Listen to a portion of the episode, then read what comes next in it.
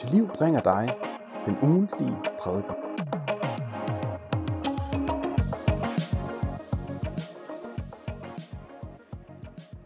Jeg hedder øh, Jonathan Vigilius. Øh, jeg er 24 år gammel, kommer fra øh, Hillerød, men det er lige meget, det er alligevel København, det hele jo. Øhm, så læser jeg på øh, DVI, øh, te- teologi, ja, og derudover så er jeg ansat i Retten til Liv som ungdomssekretær. Øhm, ja, jeg er en nørd. Øhm, det, det er det, I behøver at vide om mig lige nu, tror jeg. Øhm, I dag og i morgen, der skal vi, øhm, der skal vi være sammen om udvandringen af Ægypten øh, i anden Mosebog. Øh, og øh, da jeg sådan skulle starte forberedelsen ud, så tænkte jeg, okay, hvis vi kan nå hele anden Mosebog, så er det rigtig, rigtig godt. Så satte jeg mig ned med det, og der gik fem minutter, og så var jeg nødt til at sige, okay, hvis vi når hen til Sinai, så er det rigtig godt. Øh, og så arbejder jeg videre med det, og så t- igen, så var jeg nødt til at sætte ambitionsniveauet ned, og nu håber jeg bare, at vi får Israel ud af Ægypten, når der er vi er færdige. Øhm, hvis vi gør det, så er det rigtig, rigtig godt, og hvis vi når længere end det, er det virkelig fedt. Men øhm, vi ser, hvor langt vi kommer. Øhm, jeg øhm, vil lige starte med at bede en gang for det hele. Kære herre far, tak for dagen i dag. Tak, at den her dag den er givet af dig. Tak, at det er noget tid. Tak, at vi stadig kan møde dig i dit ord, i din nåde, og at du ønsker at række os den. Jeg beder dig om, at du må være med nu her, at du må velsigne mødet her, og Helligånd, at du må komme og virke til tro i hjertet på Jesus. Jeg beder dig også for Jonathan Vævst, der skal tale for dem under 20, at du også må være med ham nu her. Velsign du hele dagen for os, og bibelcamping her, og beder dig også om, at vejret det må skifte om snart. Vi lægger det hele over til dig nu. Amen. Yes. Øhm, jeg starter lige med noget generelt om anden Mosebog. Øh, og det gør jeg, fordi øh, anden Mosebog er for mig en af de absolut mest spændende bøger i Bibelen. Og mit håb det er lidt, at når der vi er færdige øh, med de her to timer, at der så er nogen af jer, ikke alle, det tror jeg er urealistisk, men nogen af jer, der måske får mod på at gå hjem og læse lidt videre i den. Øhm, så det her det er til jer, der får mod på det. Anmos bog, den har et hovedtema. Og det hovedtema, det er spørgsmål om, hvad der gør Israel til et særligt folk. Øhm, Israel, de ved, at de er særlige, men hvad er det, der gør dem til et særligt folk? Det er det spørgsmål, som Anmos bog forsøger at besvare. Og svaret, øh, spoiler alert, det er, at de er et udvalgt helligt folk, der videreformidler Guds velsignelse. Øhm, og det ser vi i Anmos bog flere steder. Det er en hovedlinje, vi prøver at følge i de her to timer. Øhm, særligt så er der et øh, klimaks, som øh, jeg øh, ikke tror er realistisk, vi når hen til, men som det kunne være rigtig fedt at nå hen til. Og det er øh, den pagt, som Gud indleder med sit folk, Israel ved Sinai. For det er en pagt, der gør Israel ikke bare til hans folk, men til hans hellige folk. Og det, at Israel er et helligt folk, det er meget, meget afgørende for, at de kan få fællesskab med Gud. At Gud han kan være iblandt dem, for hvis de er urene, så kan Gud ikke være der. Så vil han fortage dem i sin hellighed. Så det er helt afgørende, at Gud han udfrier israelitterne, fører dem til sine og indgår sin pagt med dem, der gør dem til et helligt folk. Ikke bare til hans folk. Og der er tre aspekter ved Israel som et helligt folk. Der er tre ting, der sådan kendetegner det, og som gør, at det er et helligt folk. Og det er, at de er blevet forløst af Gud, og det er det, vi særligt kommer til at beskæftige os med nu her i dag og i morgen. At de indgik pagten med Gud, og at Gud han var iblandt dem her, og gennem sit nærvær helliggjorde han folket. Gud han skænker dagligt sin hellighed til israelitterne ved at være iblandt dem. Det er sådan, de forbliver og er hellige gennem anden Mosebog. Så kan man inddele anden Mosebog i to hoveddele. Der er fra Ægypten til Sinai, og så er der helliggørelsen af Israel ved Sinai. Øhm, og øhm, vi kommer til at beskæftige os med første del. Øh, der kan inddeles sådan her. Nummer et, øh, første del, det er kaldet af Moses og Aaron samt modtagelsen af Guds navn. Der er Guds kamp mod Farag og alle de egyptiske guder. Så er der udvandringen af Ægypten, og til sidst ledelse og bevarelse i ørkenen. Og det er cirka punkt 3, jeg håber, vi når hen til. Øhm, yes. Og så er det den baggrunden for anden Mosebog, hvor det vi starter, så vi ligesom får det rigtige udgangspunkt. Øh, første, Mosebog, første Mosebogs afsluttende to kapitler, de har tre sådan hovedbegivenheder. Den første, det er Jakobs velsignelse af sine sønner. Det læser vi om fra kapitel 49, vers 1-28, og det illustrerer stamme, stammestrukturen i folket. Øhm, Israel, de er jo ved at, de er 70 mennesker, der kommer til Ægypten, og deraf kommer de 12 stammer, deraf kommer hele folkets øh, identitet i virkeligheden. Jo. Og derfor så får vi velsignelsen af Jakobs 12 sønner for at vise, at det herfra folket det udvikler sig. Så får vi Jakobs død og begravelse, og det er også meget, meget centralt, for Jakob han er den sidste patriark. Han er den sidste af Abraham, Isak og så, sig selv Jakob. Øhm, og øhm, patriarkerne de havde nogle særlige løfter knyttet til sig, vil man umiddelbart tænke. Og derfor så bliver det afgørende at se, hvordan Guds velsignelse går videre efter patriarkernes død. Så derfor så slutter vi af i første Mosebog med den sidste patriark. Vi så ligesom hul på en ny del, en nyt kapitel i Israels historie. Og det ser vi også særligt ved, at Josef han også dør. Øh, og der øh, får vi et vers her, eller tre vers fra 1. Mosebog 50, 24-26, hvor der står, Josef sagde til sine brødre, jeg skal snart dø, men Gud vil tage sig af jer og føre jer op fra dette land til det land, han lovede Abraham, Isak og Jakob. Og Josef tog Israels sønner i ed, når Gud tager sig af jer, skal I bringe mine ben med op herfra. Så døde jo- Josef 110 år gammel, han blev balsameret og lagt i kiste i Ægypten. Det her, det peger frem mod udvandringen. Øhm, og det er der, hele første Mosebog slutter. Den slutter med, at vi ser frem mod den senere udvandring. Og det er der, hvor vi så starter nu. Øh, folkets identitet er ved at tage form, men de er ikke deres hjemland. Det er ligesom afslutningen på første Mosebog og udgangspunktet i anden Mosebog. Så det tager vi hul på. Og det første, vi skal kigge på, det er kaldet af Moses og Aaron, samt modtagelsen af Guds navn. Og vi starter med kapitel 1, øhm, som jeg har valgt at give overskriften, de gudfrygtige jordmøder og den ikke gudfrygtige farag. Øhm, og der får vi et udgangspunkt, der lyder sådan her. Josef og alle hans brødre og hele det slægtled var døde. Men israelitterne var frugtbare, det vrimlede med dem, og de blev mange. De blev uhyre talrige, så landet blev fuldt af dem. Der er to ting, vi skal lægge mærke til her. Det første det er, at Josef og hele hans slægtled og alle hans brødre var døde. Øh, som jeg nævnte før, så er tanken og spørgsmålet, hvordan vil Guds velsignelse ligesom tage form, efter det er, at patriarkerne og Josef er døde. Og øh, svaret er meget, meget klart. Normalt så er der en tommelfingerregel, der hedder, når noget gentages to gange i Bibelen, så er det fordi, det er vigtigt. Her, der får vi en gentagelse fem gange om, at israelitterne er frugtbare.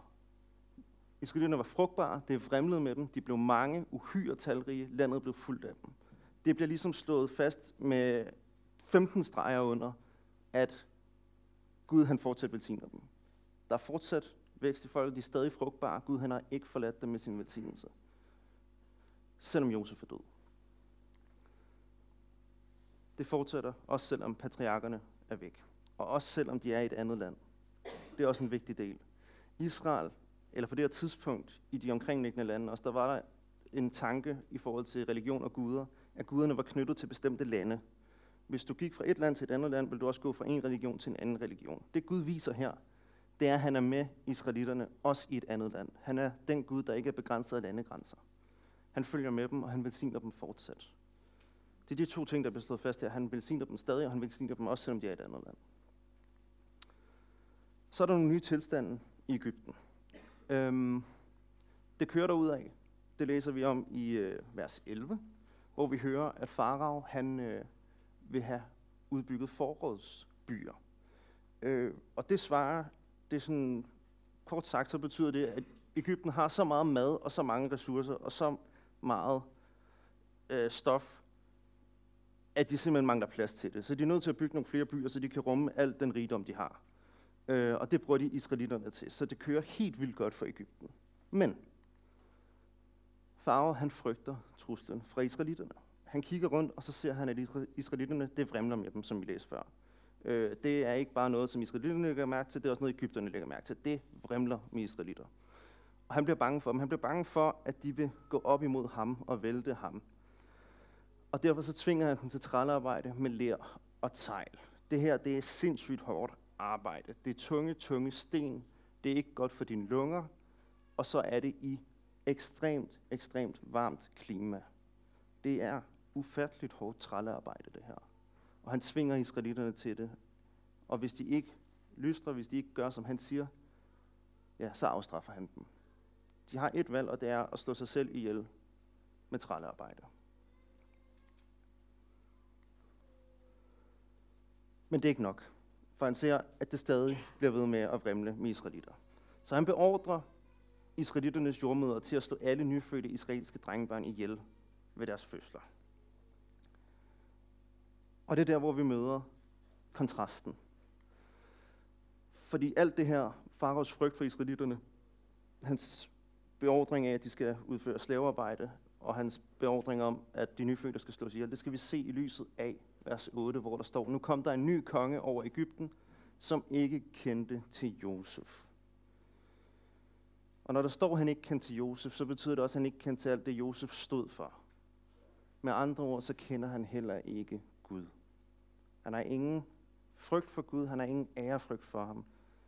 Han ved ikke, hvem han er, og derfor sætter han sig op imod ham. Han sætter sig op imod hans folk, og derfor får vi den her kontrast, som øh, bliver meget tydelig. Vi har nogle jordmødre, der bliver beordret til at stå de her nyfødte drengebørn ihjel, men de nægter, fordi der står, eller som der står i teksten, de frygter Gud. De frygter ikke farao. Eller jo, det har de nok også gjort, men de frygter ikke ham nær lige så meget, som de frygter Gud. Og så har vi farve på den anden side, der ikke frygter Gud. Det er den meget konkrete kontrast, og den er også særligt tydelig ved, at Farao han sidder øverst op på tronen. Det er ham, der burde have al magten, og så har vi dem nede i bunden, som frygter Gud. Og Gud han er med dem nede i bunden, dem der frygter ham.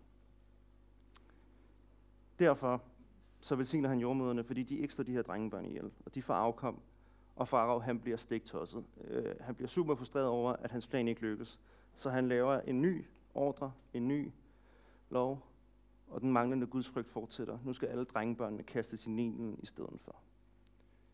Han vil ikke have, at israelitterne bliver flere. Og det er her, hvor vi kommer til Moses. Øhm, det er en, øh, for at vi kan komme hen til nogle af de andre kapitler, så det er det dem, hvor jeg kommer meget hurtigt hen over det. Øh, de fleste af jer kender historien, tror jeg. Moses han bliver født, øh, og på et tidspunkt så kan hans mor ikke længere skjule ham i hjemmet. Det er formentlig, fordi han har grædt for meget, eller også er han bare blevet for stor og vil for meget omkring. Så hun sætter ham ud i Nilen i en sivkurve som hun har tætnet, så det er, at der ikke kommer vand ind i den. Øh, og så tror jeg, hun har bedt over, at Moses han må overleve. Og det sker. Moses han bliver fundet af faraos datter, der er nede og bade ved vandet, og hun får medyng for ham. Øhm, og det er meget interessant, at den medyng, der bliver beskrevet hos farao, den er meget lige den Gud, han får med Israels folk senere, faktisk. Øh, der er en parallel der, øh, som jeg synes er meget interessant. Også fordi Moses som helhed, som vi skal kigge på senere, symboliserer faktisk folkets historie. Israel, de er i Ægypten, de går gennem Sivhed og bliver trukket op derfra. Moses, han er i Ægypten, han bliver sendt ud i Nilen, og han bliver trukket op derfra. Øh, Moses liv afspejler hele Israels historie. Øh, og den medynk, der i virkeligheden frelser ham til sidst. Der er nogle vigtige pointer i det her kapitel. Øh, det var Moses navn, som jeg lige var inde på, trukket op. Det peger frem mod det, der skal ske med Israel senere. Og så er der øh, noget, som måske lige er godt at vide. Der står i vers 10, at da han var blevet stor, kommer han til faraos datter, fordi Moses han kommer faktisk til at blive ammet hos sin mor. Han kommer til at få nogle år hjemme hos sin mor, fordi hun kan amme ham, og det kan faraos datter ikke, fordi hun ikke har været gravid. Jo, øh, og på det her tidspunkt, hvad jeg har kunnet læse mig frem til, så svarer det til 3-4 års alderen, hvor man holder op med at amme folk. I Ægypten har det været 3 år, og i Israel har det været 4. Øh, så det er et sted derimellem, at han er blevet sendt til faraos hus og faraos datter. Øh, så det betyder, på det her tidspunkt, der har han faktisk haft en god tid til at lære noget om, hvad det vil sige at være jøde, hvad det vil sige at være israelit. Men han bliver stadig faraos datter, og det står der meget direkte, at Moses han blev faraos datter. det betyder ikke bare, at han kommer ind i hendes hus, men det betyder faktisk også, at han tager den identitet til sig. Han bliver Ægypter nu. I hvert fald halvt. Og så kommer vi over til Moses flugt til Midian. Der har vi et hovedtema, og det er det her at være fanget mellem to identiteter, to nationaliteter og kulturer, og måske vigtigst af alt to religioner. Ægypten har omkring 2.000 guder, øh, og ja, som jøde har du en. Det er der, hvor Moses han er fanget mellem. Han ved, at han er jøde, det kan han huske. Han ved, at han er israelit. Men han er også vokset op nu i Ægypterkongens hus. Og på et tidspunkt så er Moses ude på en vandretur. Han er ude at se, hvordan det går med sine landsmænd. Øhm, sin jødiske, israelske landsmænd. Og der ser han en blive slået ihjel af en Ægypter. Og der bliver Moses vred. Og han prøver, øh, i, den, i den her vrede, går han ind for at forsvare jøden, og så derfor Ægypterne ihjel, der slog en israelit ihjel. Og øh, det her, det er mildest talt problematisk.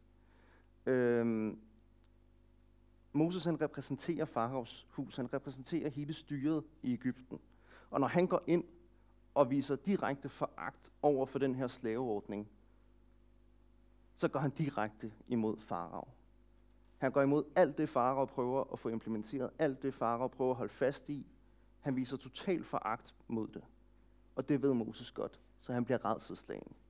Han frygter virkelig Farao. Og dagen efter ser han to jøder deroppe og slås, og han beder dem om at stoppe. Og der siger de til ham, om de også, der spørger de ham, om de også vil slå dem ihjel, ligesom han slog Ægypterne ihjel dagen inden. Og der ved Moses, den er gal. Og derfor flygter han. Han flygter så langt væk han kan til Midian, og står sig ned ved en brønd. Fordi farve vil slå ham ihjel nu. Det var lige så problematisk, som han havde frygtet. Og ved den her brønd, der kommer der syv døtre hen og skal øh, have noget vand. Og de bliver jaget væk af nogle hyrder, men Moses går ind og forsvarer dem og giver dem faktisk noget vand. Og øh, fast forward, han bliver gift med en af de her øh, syv døtre her af præsten Jethro. Øhm, og det vi skal bemærke, som ligesom afspejler hovedtemaet i det her afsnit, at være fanget mellem to identiteter og nationaliteter og religioner, det er, at når de skal beskrive, hvem det var, der kom og reddede dem, så siger de, at der var en Ægypter. De siger ikke, at der var en israelit eller en jøde. De siger, at der var en Ægypter. Det betyder, at Moses, selvom han har følt den her konflikt og egentlig har identificeret sig med jøderne og prøvet at forsvare dem, så i sit fysiske udtryk og i sin generelle væremåde, så afspejler han en Ægypter. Det er sådan, der bliver set på ham. Han er altså fanget mellem de her to dele. Og så kommer der et sceneskift i vers 23-25. Det er ligesom, som om vi zoomer ud nu, og nu kigger vi på det store billede. Lang tid efter døde Ægypterkongen. Israelitterne sukkede og klagede under arbejdet, og deres klageråb under arbejdet nåede op til Gud. Gud hørte deres jamren, og Gud huskede på sin pagt med Abraham, Isak og Jakob. Gud så til israelitterne, og han tog sig af dem. Det er et markant sceneskift her. Ægypterkongen dør. Det er ham, der vil stå Moses ihjel. Så langt så godt. Moses kan egentlig komme tilbage nu under lidt mindre trussel øh, og lidt mindre far for at blive slået ihjel. Og så sker der det, at israeliternes klage åbner op til Gud. Og jeg kan så godt lide den måde, det står på her. For der står ikke, at de klager til Gud, men der står, at han hører deres klageråb. Og det er ikke for at sige, at de ikke har klaget til Gud. Men jeg kan så godt lide, at det ikke er en forudsætning for, at Gud hører dem, at de klager til ham. For han er med dem. Han har lovet, at han er med dem. Og derfor hører han dem alligevel. Han hører det råb, vi ikke engang kan udtrykke med ord. Det er fantastisk, synes jeg. Og så tager han sig af dem. Og så kommer vi til kapitel 3, vers 1-4, 17. Og det er et afsnit, hvor vi kommer til at dykke lidt mere ned i det nu. Øhm, der er en hovedlinje i det her afsnit. Og det er, at Gud han peger på sig selv, sin storhed og almagt. Og Moses kigger på sig selv og sin mangel på sammen. Det er sådan, det kører frem og tilbage gennem det her afsnit. Og så er der en hel masse andre dele i det. Men det er hovedlinjen, vi skal prøve at følge. Og så det, at Gud alligevel vælger at bruge ham. at Gud på intet tidspunkt trækker i land, men at han bliver ved med at bekræfte og gentage sin løfter over for Moses, selv når Moses ikke længere tager tro på dem. Ja, ikke længere. Det lyder som om, han har gjort det på et tidspunkt. Det tror jeg faktisk ikke, han har. Jeg tror, han hele tiden har været tvivlende over for det. Vi læser. Moses vogtede for for sin svigerfar Jethro, præsten i Midian. Da han engang havde drevet forne langt ud i ørkenen, kom han til Guds bjerg Horeb. Der viste Herrens engel sig for ham i en flammende ild fra en tornebusk. Moses så, at busken stod i lys lue, men at den ikke blev fortæret i ilden. Og han tænkte, jeg må hen og se nøjere på dette mærkelige syn. Hvorfor brænder busken ikke? Men da Herren så, at han gik hen for at se det, råbte Gud til ham inden fra busken. Moses, Moses. Han svarede ja. Og Gud sagde, du må ikke komme nærmere og tage dine sandaler af, for det sted, du står på, er hellig jord. Og han sagde, jeg er din faders Gud, Abrahams Gud, Isaks Gud og Jakobs Gud. Der skjulte Moses sit ansigt, for han tog ikke se Gud. Der er nogle pointer her, vi skal have fat i. Det første spørgsmål, vi kan stille, det er, hvem er Herrens engel? Øhm, Herrens engel, det er en skikkelse, som de er, der læser videre i 2. Mosebog, når vi er færdige her, vil møde flere gange, faktisk gennem hele ørkenvandringen. Øh, og Herrens engel bliver på et tidspunkt beskrevet i, øh, jeg har skrevet 23.20, jeg håber virkelig, det er rigtigt. Øh, for jeg kom helt i tvivl, da jeg vågnede i morges, øh, men sådan er det jo. Øh, bum, bum, bum. Nu ser vi lige. Ja, ja, ja. Yes. Øhm, 23.20, der står der sådan her. Se, jeg sender en engel foran dig. Det er sagt til Moses, det her. Øh, som skal sige det videre til folket. Han skal bevare dig på vejen og føre dig til det sted, jeg har beredt. Giv agt på ham og adlyd ham. Du må ikke trods ham. Han vil ikke tilgive jeres søn, for mit navn er i ham. Overskriften for hele den her del af Anmos bog, det var modtagelsen af Guds navn. Og det er fordi Guds navn er noget helt, helt særligt. Øh, på det her tidspunkt i øh, ja, samtidens religionsstyrkelse, så kom man til sin Gud gennem gudebilleder, gennem afguder. Det kunne være øh, små billeder, små statuer eller store statuer. Øh, men generelt var det sådan, at der var en eller anden fysisk ting, der repræsenterede guden, som man kom til guden igennem. Det var ikke fordi, at den fysiske ting var guden, men det var den, man kom til guden gennem. Sådan er det ikke med Israels Gud. Sådan er det ikke med vores Gud. Vores Gud han har givet os noget andet. Han har givet os sit navn. Og det er sit, hans personlige navn. Og Gud han er så tæt knyttet med det her navn, som vi møder om lidt, som er jeg er. At det er essensen af hans identitet. Det er hele, hvem han er, der opsummeres i det her navn. Han er den, der er. Øh, han er den eneste Gud. Og når det er, der står, at Herrens engel har Guds navn i sig, så, er det ikke, fordi det, så kan det ikke være en almindelig engel. Fordi selvom englene er udsendt af Gud, så er de ikke Gud selv. Og Gud han er et med sit navn. Så når det er, der står, at hans navn er i den her engel, betyder det, at den her engel er Gud selv. Og jeg tror, at det er fordi, det er Jesus. Jeg tror, det er fordi, det er Guds søn. Før han bliver menneske, så møder Moses her. Og det er en engel, der er i ilden i tornebusken. Og som vi ser senere, og som vi også læste her, han sender en engel, der går foran dem. Og ligesom ilden her er i tornebusken, så kommer vi senere til at se i anden Mosebog jo, at der går en ildsøjle om natten foran dem, som leder dem på vejen. Og det er den samme engel, det er den samme Jesus, før han bliver menneske, der går foran dem der. Og jeg synes, det er fantastisk, at Jesus han ikke bare kun er i øh, Nye Testamente, Det er fantastisk i sig selv. Øh, han er ikke bare i profetier, men han er faktisk også fysisk til stede i sit væsen i Gamle Testamente. Det er fantastisk, synes jeg. Så det er Herrens engel. Det er ham, der taler til Moses nu. Og så vidner ilden om Guds væsen. Ild bliver brugt på, som et billede på Guds hellighed. Og det er derfor, at Moses ikke må komme nærmere med sandaler på. Fordi Gud han er der faktisk i sin hellighed nu. Det er også derfor, han skjuler sit ansigt, for intet menneske kan tåle at se Gud, uden at dø. Derfor skjuler han sit ansigt. Det er hele Guds væsen, der er her. Og ilden er på en forunderlig måde både en kraft, der kan fortære, og en kraft, der kan give liv. Øhm, Lige nu er der tørke rigtig mange steder, det er der ikke her, kan vi se udenfor. Øhm, men der er ilden farlig. Ilden kan sætte skovbranden i brand, eller skovbranden i gang hedder det, øh, og fortære naturen. Den kan fortære liv, den kan fortære en hel masse ting, men ilden kan også bevare. Vi har solen, som lyser ned på os og giver os liv og kraft hver dag. Uden solen vil alt liv være væk. Og sådan er det også med Guds væsen, sådan er det også med hans hellighed faktisk. I mødet med synd, så straffer Gud, så fortager Gud, så udsletter han faktisk. Men i sin hellighed formår han også at bevare os, når han gør os hellige ved den kraft, der er i ham. Så det er en dobbelthed, vi møder her, og det er derfor, jeg synes, det er fantastisk, at der er ild i tornbusken, men at den ikke bliver fortæret.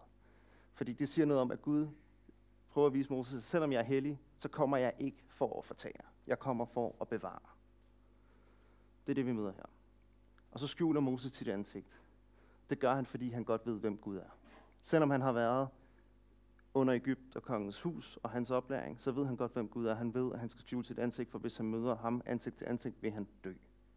Derfor skjuler han sit ansigt. Vi læser videre. Så sagde Herren, jeg har set mit folks lidelse i Ægypten, og jeg har hørt deres klageskrig over slavefoderne. Jeg har lagt mig deres lidelser på sinde, og derfor er jeg kommet ned for at redde dem fra Ægypterne, og føre dem op fra dette land til et godt land, til et godt og vidtstrakt land. Et land, der flyder med mælk og honning, der hvor kananæerne, hititterne, amoritterne, pesitterne, hivitterne og jebusitterne bor. Nu har israeliternes klageskrig nået mig. Jeg har set, hvordan Ægypterne undertrykker dem. Gå nu. Jeg vil sende dig til Farao. Du skal føre mit folk, israelitterne, ud af Ægypten. Der er nogle ting, vi også skal bemærke i her. Det er, hvordan Gud han aktivt handler her og prøver at fortælle Moses, at jeg er helt 100% med i det her. Han har set, han har hørt deres klageråb, han har set deres lidelse, han har lagt, deres lidelser, øh, han har lagt sig deres lidelser på sinde. Han er kommet ned nu for at redde dem og for at føre dem op fra Ægypten. Gud han peger på sin aktive handling. Det her det er ikke en passiv Gud, der er langt, langt væk. Det er en Gud, der er kommet ned for at handle, for at redde, for at udfri. Og derfor igen er det fantastisk at tænke på, at det er Jesus, der siger de her ord inden for den her tårnbusk. For det var det, han gjorde senere for os. Moses han skal altså ikke være i tvivl om, at det er Gud, der kommer til at styre det her show. Han vil endda sende ham til Farao. Det eneste, han skal gøre, det er at være hans repræsentant, der fører dem ud af Ægypten. Så gør Gud resten. Og så skal vi lægge mærke til Guds syn på Israel. Det er hans folk. Jeg har set mit folks lidelser. Jeg tror, at israelitterne har følt, at Gud har været langt væk på det her tidspunkt. De har været forpint under de her hårde, hårde lidelser, Farao har påført dem. Men Gud, han har ikke glemt dem, og de er stadig hans folk, også selvom de er i et andet land. Og det bliver de ved med at være. Det er fordi, at han har indgået en pagt med dem ved Abraham. Han har lovet dem det, og Gud, han kan ikke lyve. Han holder, hvad han lover. Og så vil Gud sende Moses til Farao. Og hvis vi lige tænker os en gang mere om det, så tror jeg, at Moses han har været skrækslagen. Øhm, på det her tidspunkt, der står ikke, at, at den Ægypterkonge, der vil slå Moses ihjel, han er død. Det ved Moses ikke på det her tidspunkt. Han får at vide, at han skal komme til Farao. Han har været skrækslagen. Og jeg tror, det er fordi Gud han vil sætte ham på en prøve her. Gud han vil ikke give, øh, han vil have, at Moses stod der fuldt og fast på ham. Også selvom Ægypterkongen stadig måtte leve og vil slå ham ihjel. Så skal han stole på Gud, om at det er ham, der virker her. Ja. Så Gud han vil sende Moses til ham, der vil slå ham ihjel. Det er sådan, Moses hører de her ord. Vi læser videre. Moses sagde til Gud, Hvem er jeg, at jeg skal gå til Farao og føre israelitterne ud af Ægypten? Gud svarede, jeg vil være med dig, og dette skal du have som tegn på, at det er mig, der sender dig. Når du har ført folket ud af Ægypten, skal I dyrke Gud på dette bjerg. Moses sagde til Gud, når jeg kommer til israelitterne og siger til dem, at deres fædres Gud har sendt mig til dem, og de spørger mig, hvad hans navn er, hvad skal jeg så sige til dem? Gud svarede Moses, jeg er den jeg er. Og han sagde, sådan skal du sige til israelitterne, jeg er, har sendt mig til jer. Og øhm, nu har vi ved at være i gang i en halv time, så hvis nogen af jer har lyst til lige at stå op øh, og lige dreje rundt, så må I godt det. Jeg tager lige et glas vand, inden vi kommer til pointerne.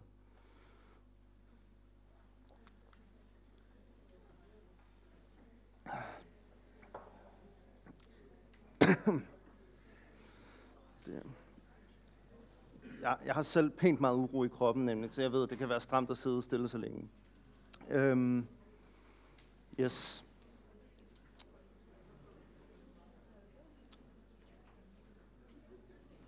Pointe. Øhm, Moses han får det underligste tegn. Øh, det mest mærkværdige tegn. Han får et tegn, han ikke kan bruge til en pind, faktisk. Øh, kunne man tænke.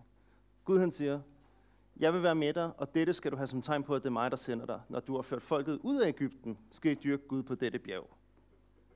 Helt ærligt, kunne man godt fristes til at sige. Det er næsten provokerende, ikke? At Moses får et tegn, som først bliver opfyldt, og som man først kan se, når det er, at han alligevel har gjort det, han er bange for at gøre. Hvad er pointen lige med det? Jeg tror, det er, ligesom det var, at Gud han ikke fortalte, at Ægypterkongen var død, at Gud vil, at Moses skal have tillid til og tro på ham. At Moses han skal lægge alt over til Gud og vide, at det er ham, der virker det her. Det er ikke afhængigt af ham, altså af Moses, det er afhængigt af Gud ene og alene. Derfor får Moses et tegn, der først bliver opfyldt senere. Og det bliver opfyldt. Det er jo det, der er fantastisk. At det ikke bare er et tegn, Gud giver som øh, en eller anden lokkemad, og så ikke opfylder. Det kommer til at ske. De kommer til at dyrke Gud på det her bjerg. Og der får Moses lov til at se, at han ikke troede forgæves. Yes. Og så er det andet, det er Guds navn. Og som jeg nævnte før, så er Guds navn noget helt særligt i datidens religioner. Øhm, nu har jeg været inde på den pointe, så jeg siger ikke så meget andet om det, men bemærk, at det er essentielt, at han siger til israelitterne, at jeg er, har sendt mig til jer. Gud han vil, at israelitterne skal kende ham ved sit navn. Yes. Vi læser videre. Gud sagde videre til Moses, sådan skal du sige til israelitterne, Jave, jeres fædres Gud, Abrahams Gud, Isaks Gud og Jakobs Gud, har sendt mig til jer. Det er mit navn til evig tid, og sådan skal jeg kaldes i slægt efter slægt. Gå nu og kald Israels ældste sammen og sig til dem, Herren jeres fædres Gud, Abrahams Gud, Isaks Gud og Jakobs Gud, har vist sig for mig og sagt, jeg er opmærksom på jer og på det, der har overgået jer i Ægypten.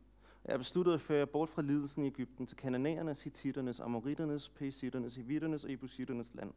Et land, der flyder med mælk og honning.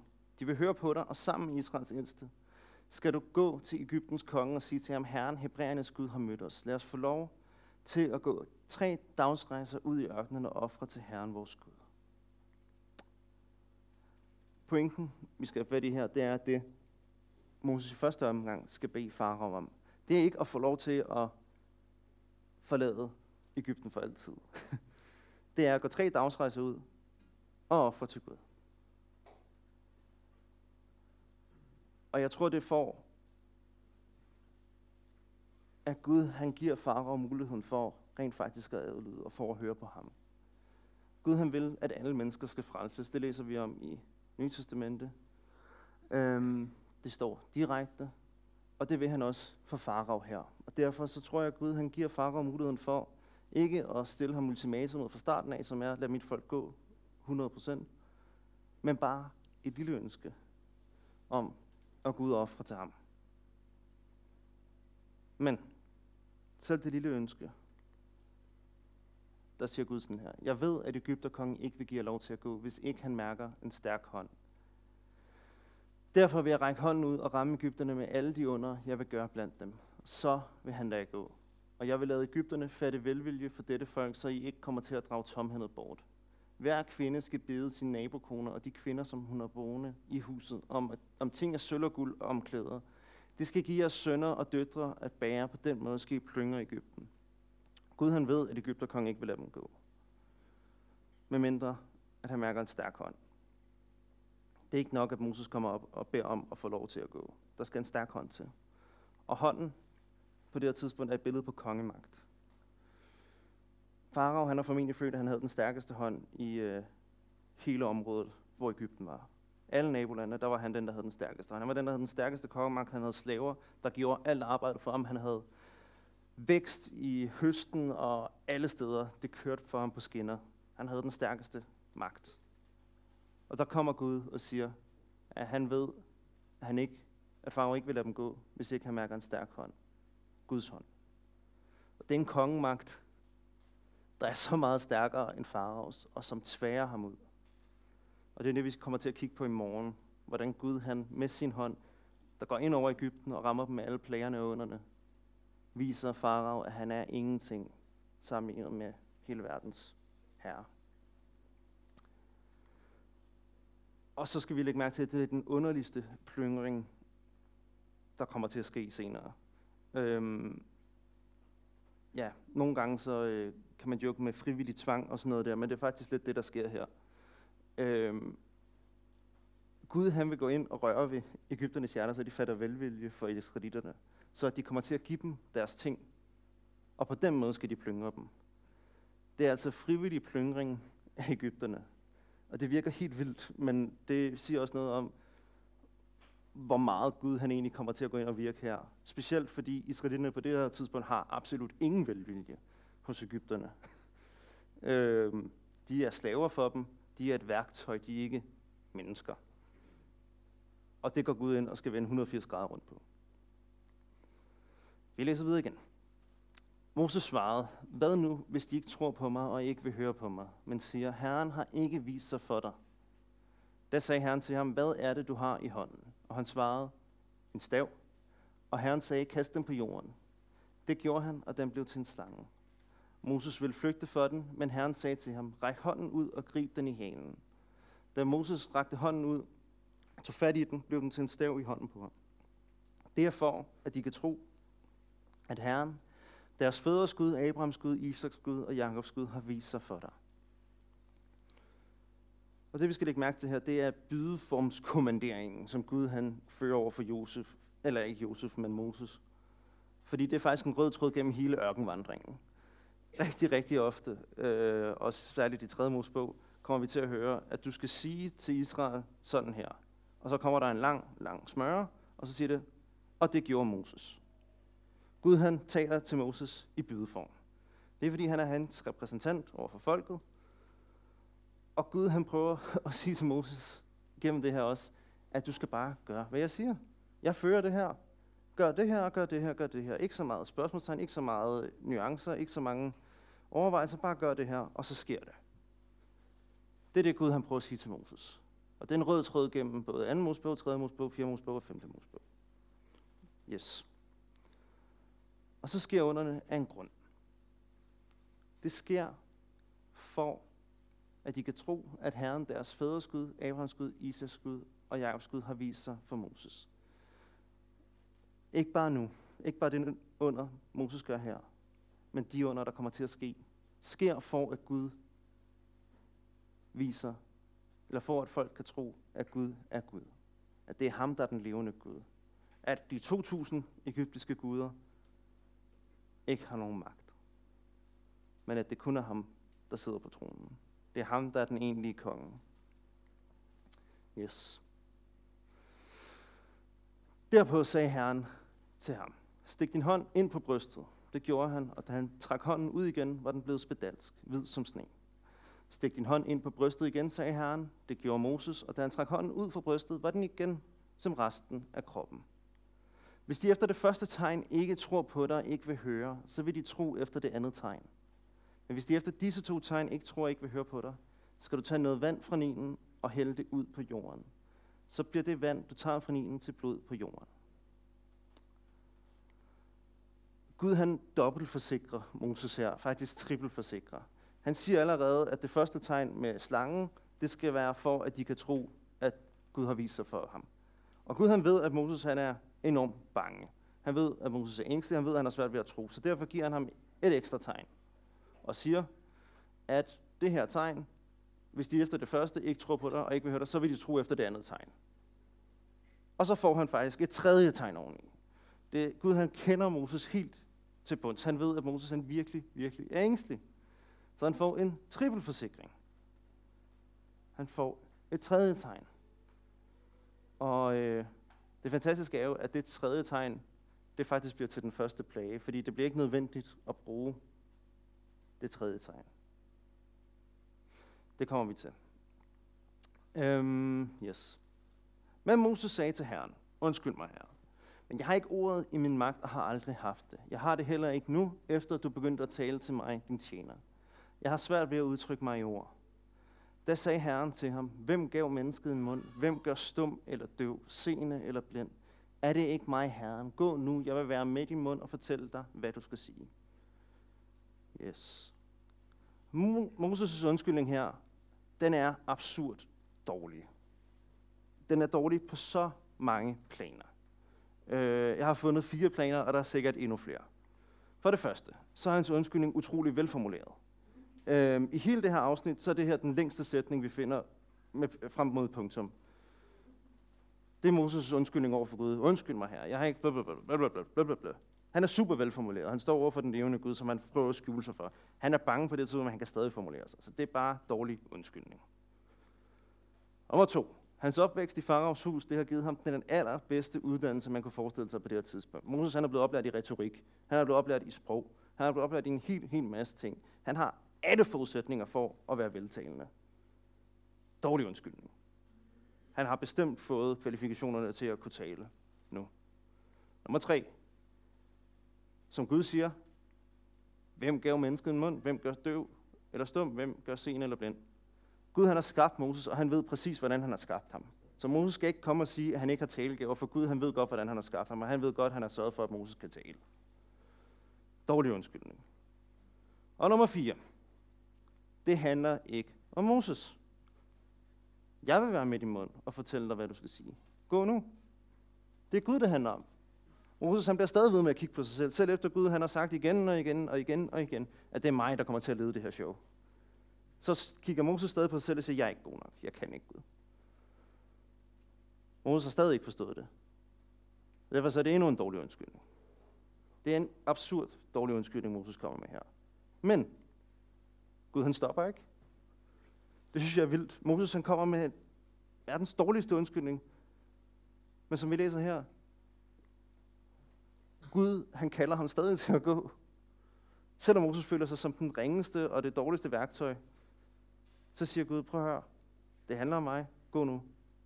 Gud han ændrer ikke på sine løfter, selvom vi føler, at vi ikke øh, kan gøre tingene, fordi det handler ikke om os, det handler om ham. Det er det samme med Jesus. Det handler om ham, ikke om os. Det var ham, der tog vores skyld. Det var ham, der tog vores synd. Det var ham, der tog vores straf. Det handler ikke om dig. Det er det samme, vi møder her. Men han svarede, undskyld mig her. Send dog en anden. Da flammede Herrens vrede op mod Moses, og han sagde, er levitten Aaron ikke din bror?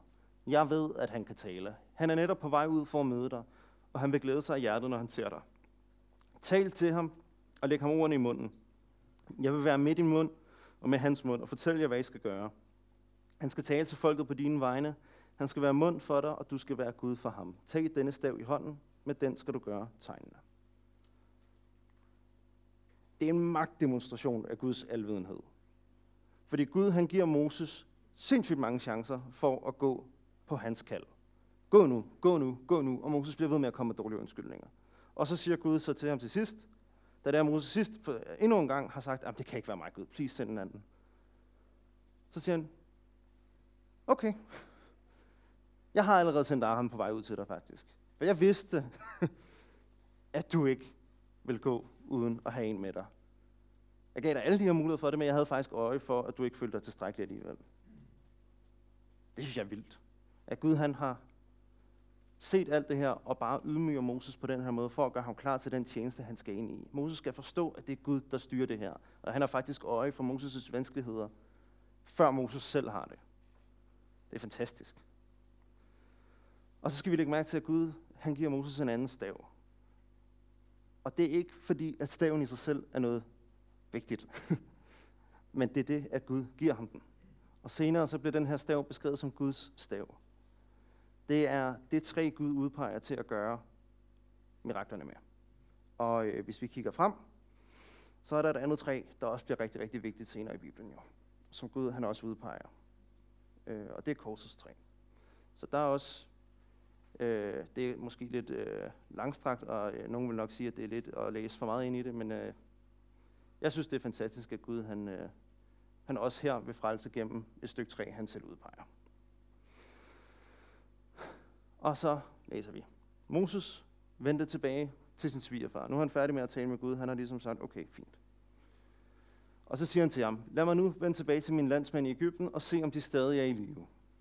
Jethro sagde til Moses, gå med fred, og Herren sagde til Moses i Midian, vend tilbage til Ægypten, for alle de mænd, der strabte dig efter livet, er døde. Så tog Moses sin kone og sine sønner, satte dem op på sit æsel og begav sig på vej tilbage til Ægypten. Moses havde Guds stav i hånden. Og pointen her. Moses, han tvivler stadig.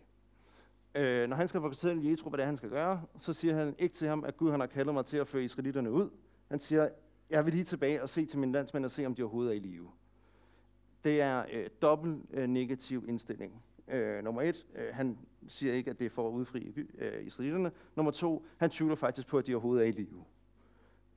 Han har øh, ja, mikroskopisk tillid, hvis man overhovedet kan sige det, til at det, er det stadig kører. Og det, men alligevel så vil han gå tilbage. Og det er der, hvor Gud han så giver ham ordet, der alligevel giver ham en vis opmundring og en vis tro på tingene. Og det er, at alle de mænd, der stræbte efter livet, er døde. Det betyder, at Moses han får faktisk en fred nu, og det kan vi se meget tydeligt i rækkefølgen, at herefter så tager Moses sin kone og sine sønner med. På det her tidspunkt, der siger han, at jeg, lad nu mig vende tilbage til min landsmænd.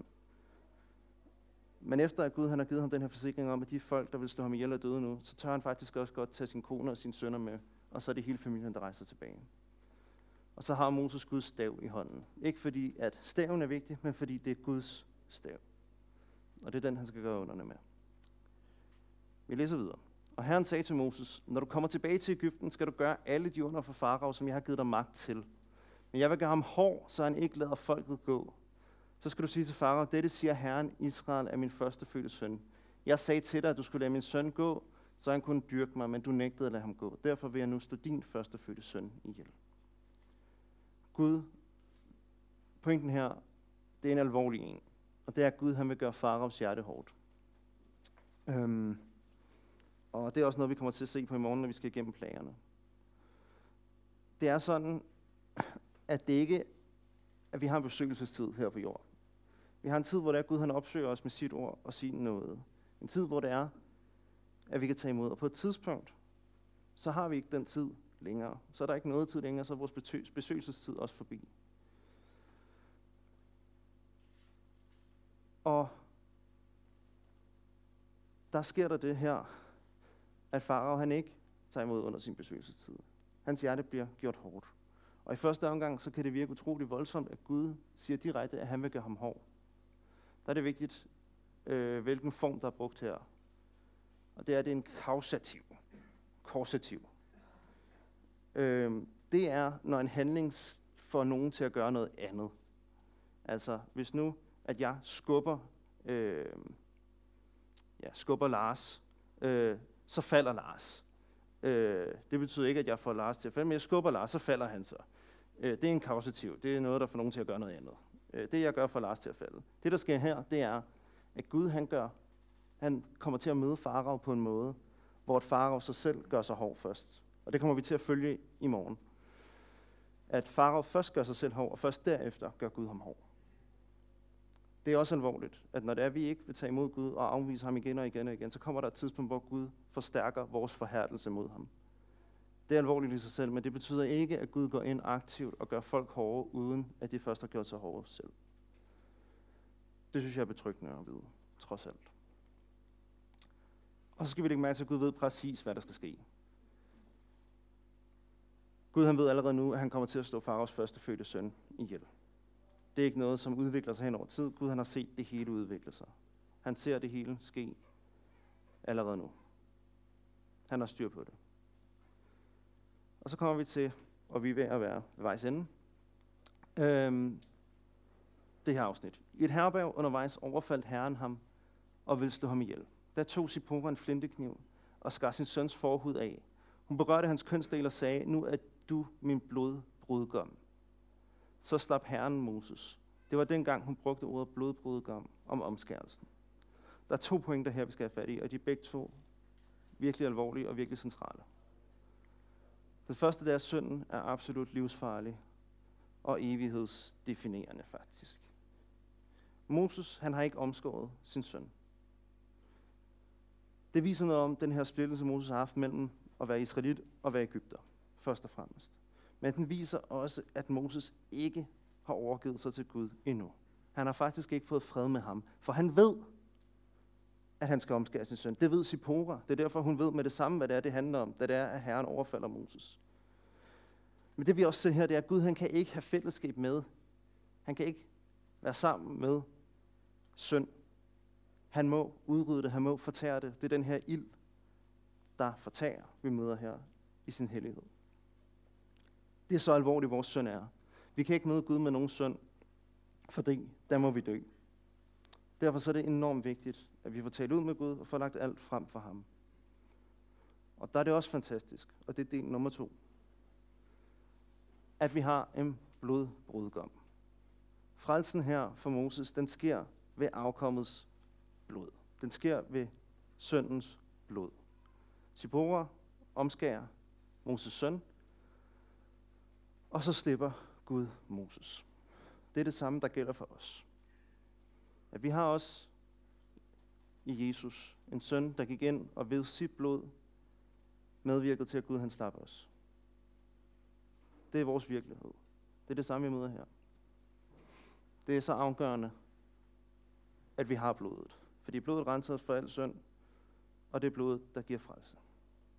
Yes. Så nu har Moses fået gjort op med Gud. Det er fantastisk. Og så det sidste afsnit i dag. Herren sagde til Aaron, gå Moses i møde ude i ørkenen. Han gik afsted og mødte ham på Guds bjerg, og han kyssede ham. Moses fortalte Aaron om alt det, Herren havde givet ham besked om, og om alle de tegn, han havde pålagt ham. Så tog Moses og Aaron afsted. De kaldte alle israelitternes ældste sammen. Og Aaron fortalte alt det, Herren havde sagt til Moses. Han gjorde tegnene for øjnene af folket, og folket troede på ham. Og da de hørte, at Herren var opmærksom på israelitterne og havde set deres lidelse, bøjede de sig dybt. Og pointen her. Israelitterne, de bøjer sig for Gud. I rigtig, rigtig lang tid, så har de skulle bøje sig for Farag og under hans undertrykkelse af folket. De har formentlig også været fristet af at bøje sig over for deres guder. Men her, der bøjer de sig dybt for Gud, for han har set dem. Og det er nøglen i anden Mosebog. Det er, at Israel og Gud, de hører sammen. Og de hører sammen, fordi Gud vil, at de skal høre sammen. Og derfor bøjer israelitterne sig i ydmyghed over for Gud, som nu har set dem og ønsker at frelse dem. Yes. Og så er Moses' position vendt 180 grader. Han tager afsted fra Ægypten som søn af Faraos hus, og kommer tilbage som repræsentant for slaverne det er den absolut 180 graders vending, og det har været foragteligt, forarveligt og skræmmende og helt vildt underligt for både israelitterne og for Ægypterne. Og det kommer vi også til at se på i morgen. Men øhm, for nu, i morgen der skal vi kigge på det her, men for nu så øh, vil jeg slutte af med at bede. Kære Herre Far, tak for dit ord. Tak, at det er et levende ord. Tak, at ligesom du har udfriet Israel fra Ægypten, så har du udfriet os fra den magt, vi ikke selv kunne slippe fri fra syndens magt. Tak, at du ved din søn gik ind under den straf, som du retfærdigt måtte udøve over alt ondt. Tak, at vi fik fred med dig ved hans offer. Tak, Jesus, at du gik ind under den, og tak, at det også gælder i dag. Jeg beder dig om, at hver enkelt her må få liv og vækst og ja, blive opbygget i den tro i de her dage, og at du må være med os resten af dagen i dag. Det er dit eget navn. Amen.